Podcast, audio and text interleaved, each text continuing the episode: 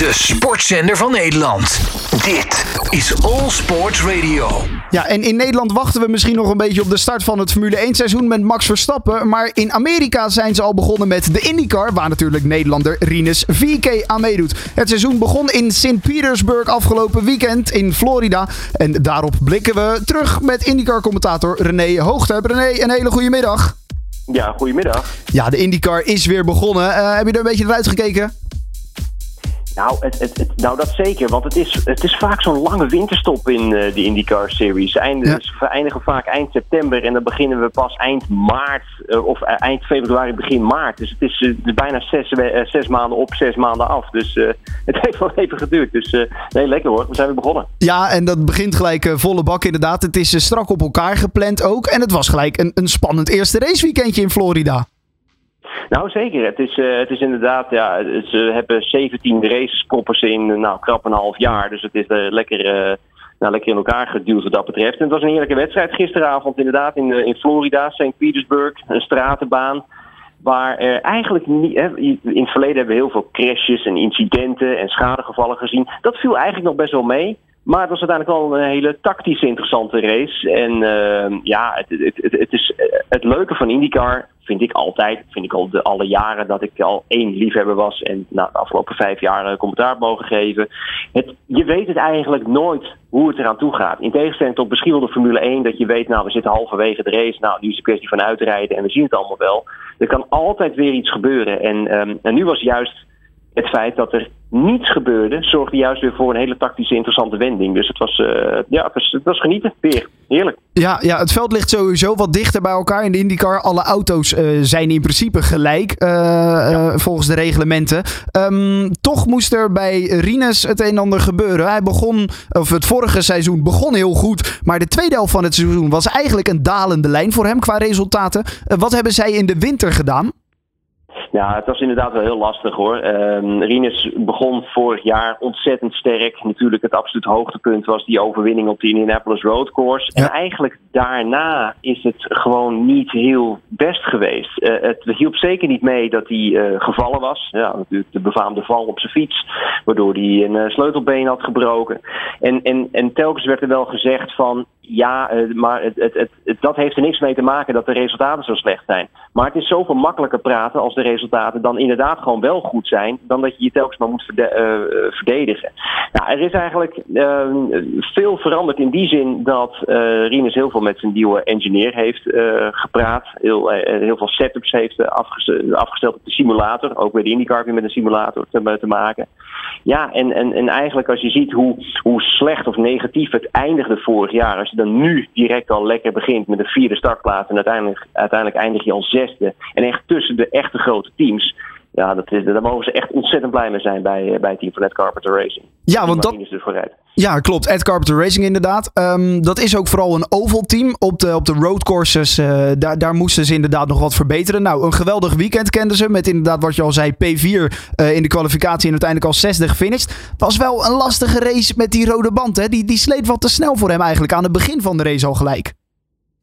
Ja, het was een, uh, uh, die, die, rode band, dat is dus de zachtere bandencompound. Die hebben ze ook voor dit weekend hebben ze die nog zachter gemaakt. Uh, wat het tactisch juist wel interessant maakte. Maar dan wordt het bijna een soort Formule 1 band. Op het moment dat hij er echt aangaat, dan, dan, is het, dan gaat het visuele cirkel naar beneden. Dan is het helemaal klaar. Ja. En, en, en gek genoeg, hij ging wat te lang door. Ik zei dat ook volgens mij ook in mijn commentaar van waarom ja. halen ze hem niet naar binnen. Maar het feit dat ze hem toch door hebben gehaald en de neutralisatie die daarop volgde uiteindelijk zo gunstig was, omdat hij zo lang was, was het uiteindelijk zijn redding dat hij nog langer door had gereden. Want hij had echt niet nog meer brandstof kunnen besparen als hij toch een paar rondes eerder naar binnen was geweest. Dus uiteindelijk is het een geluk bij een ongeluk of, of, of geef het een naam.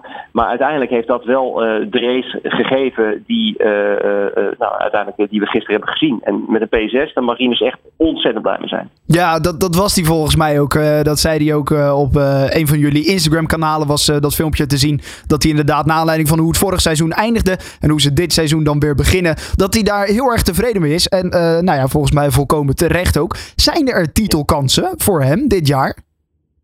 Nou, titelkansen, dat, dat is misschien wel eh, iets te hoog gegrepen. Dat zal niet aan Rinus zelf liggen, maar dan heb je toch te maken met nou, wat je zelf al noemt. Het team wat misschien wat meer gespecialiseerd is op ovals. Hoewel dat de afgelopen seizoenen uh, nou, wat meer uh, gelijk is getrokken.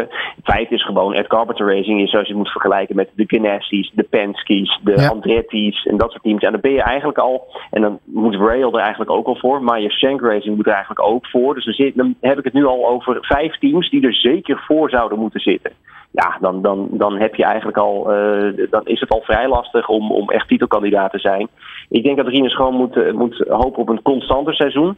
Uh, en gewoon lekker in die top 6 blijven zitten. Dat is echt, dat is, ja, het is, voor dat team is dat echt een geweldig resultaat. Ik bedoel, als ik moet vergelijken met zijn teamgenoot Connor Daly. Ja, ik heb hem amper gezien gisteren. Met 21ste. Ja, dat kan ook natuurlijk. Ja. Dus uh, wat dat betreft, uh, Rinus, moet, Rinus moet gewoon lekker zelf constant goed blijven presteren. Titelkansen, dat, wordt, dat is even de, nog even een brug te ver, denk ik, bij het team waar hij nu rijdt. Is het voor hem dan nu taak om zichzelf nog meer in die schijnwerpers te rijden? Om misschien dus volgend jaar een stap te kunnen maken naar een van die grotere teams? Een van die top 5 teams waar je het over had? Ja, absoluut. Nee, wat, wat, wat vooral voor Rinus van belang is, is dat hij in een contract year zit. Met andere woorden, zijn contract loopt na dit seizoen af. Ja. Dus hij moet zich letterlijk en figuurlijk in de picture rijden. Uh, in de paddock weten ze allemaal uh, dat Rinus heel goed kan sturen. Uh, en nu moet hij ook laten zien dat hij ook constant kan blijven presteren. Maar dit is een heel lekker begin voor hem. Nou, dat kunnen we inderdaad wel zeggen. Um, als we dan nog wel even. Oh ja, daar wil ik het nog even kort over hebben. De Indy 500. Uh, dat is wel zo'n oval circuit van Ed Carpenter Racing. Waar ze het altijd goed op doen. Is dat bijvoorbeeld zo'n weekend waar hij dan op zijn agenda. eventjes een rood cirkeltje omheen heeft gezet? Zeker. Ja, die 29 mei. Ja. Daar staat zeker een rood cirkeltje omheen. Want dat, uh, zeker vorig jaar was hij ontzettend sterk. Uh, in zijn eerste seizoen was hij ook al ontzettend sterk. Dus, dus nee hoor. Dus als er echt een, echt een serieuze kans is voor uh, het winnen van een race, dan is het zeker die in die 500. Maar ja, goed, uh, vorig jaar won hij gewoon op een roadcourse. Dus, dus wat ja. dat betreft zijn er zeker meer mogelijkheden. Um, ja, laten we hopen dat het momentum gewoon mee zit. Maar 29 mei, ja, wordt absoluut weer een mooi hoogtepunt.